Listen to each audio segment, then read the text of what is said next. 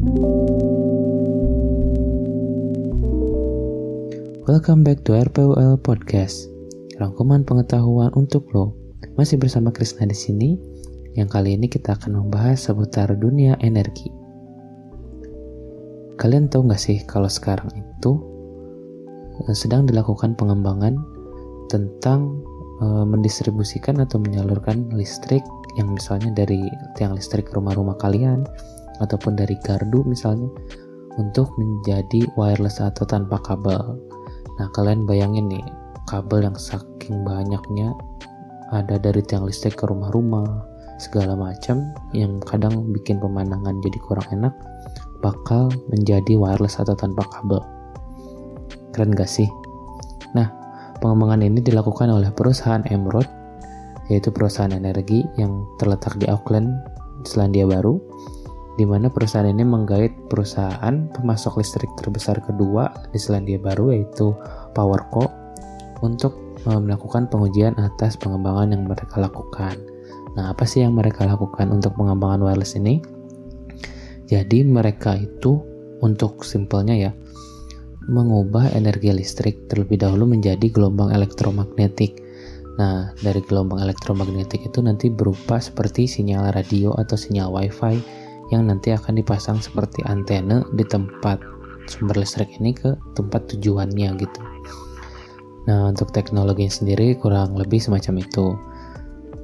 Nah, untuk pengujian ini sampai kabar terbaru ini baru berhasil sekitar 200 meter.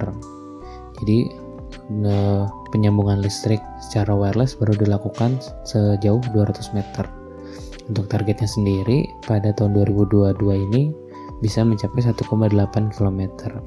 Oh ya, yang untuk kesuksesan yang di wireless uh, listrik sejauh 200 meter itu dilakukan pada tahun 2021 di mana uh, Amerika Serikat sudah siap untuk membantu mengembangkan jika proyek ini berhasil.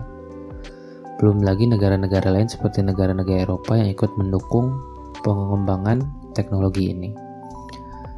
Nah, pengembangan teknologi ini awalnya dimulai oleh Nikola Tesla yang sudah zaman dahulu kala bercita-cita untuk mengembangkan uh, distribusi listrik yang secara wireless ini. Nah, dari oleh karena Nikola Tesla itu, maaf belibet teman-teman.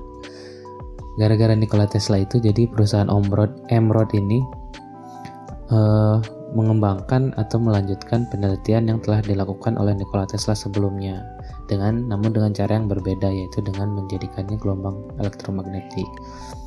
Nah, jadi prinsip kerjanya itu ada dua uh, antena. Yang satu itu antena pemancarnya, yang satu untuk menerima listriknya atau disebut reaktena.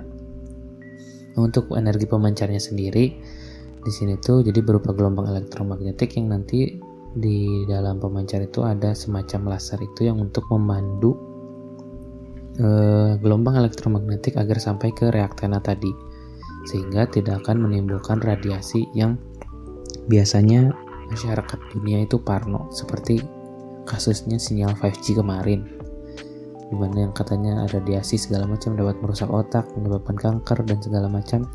Nah untuk uh, distribusi listrik secara wireless ini Emerald mengatakan atau mengaklaim bahwa teknologi ini tidak menimbulkan radiasi yang ber berbahaya untuk manusia karena teknologi laser tersebut yang mengarahkan gelombang elektromagnetik ini langsung ke reaktena sehingga tidak ada sebaran-sebaran dari sinyal gelombang elektromagnetiknya itu.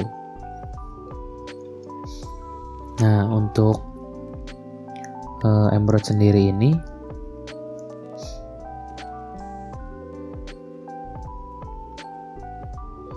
Untuk Emerald sendiri ini eh, menjaga listrik tetap stabil saat proses eh, penyaluran itu dengan dua teknologi. Yang pertama itu ada bahan yang metamaterial yang telah dirancang untuk berfungsi agar gelombang hanya memancar ke arah antena pelanggan atau antena yang disebut reaktena tadi. Nah, jadi bahannya itu dari metamaterial mungkin nanti kita akan bahas di lain kesempatan untuk bahan metamaterial ini karena kayaknya butuh waktu banyak deh Lalu ada sistem transmisinya yang membuat sinar itu fokus, yaitu yang laser tadi saya bilang. Jadi sinar itu terfokus hanya menuju ke reaktena, sehingga gelombangnya itu berbentuk tunggal dan tidak menyebar ke segala arah.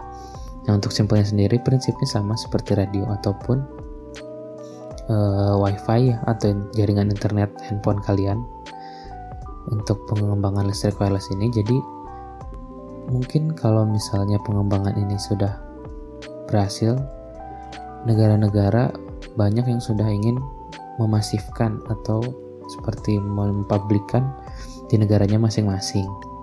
Nah, menurut kalian Indonesia siap nggak nih untuk kalian lihat uh, menerapkan teknologi wireless ini dalam penyaluran distribusi listrik?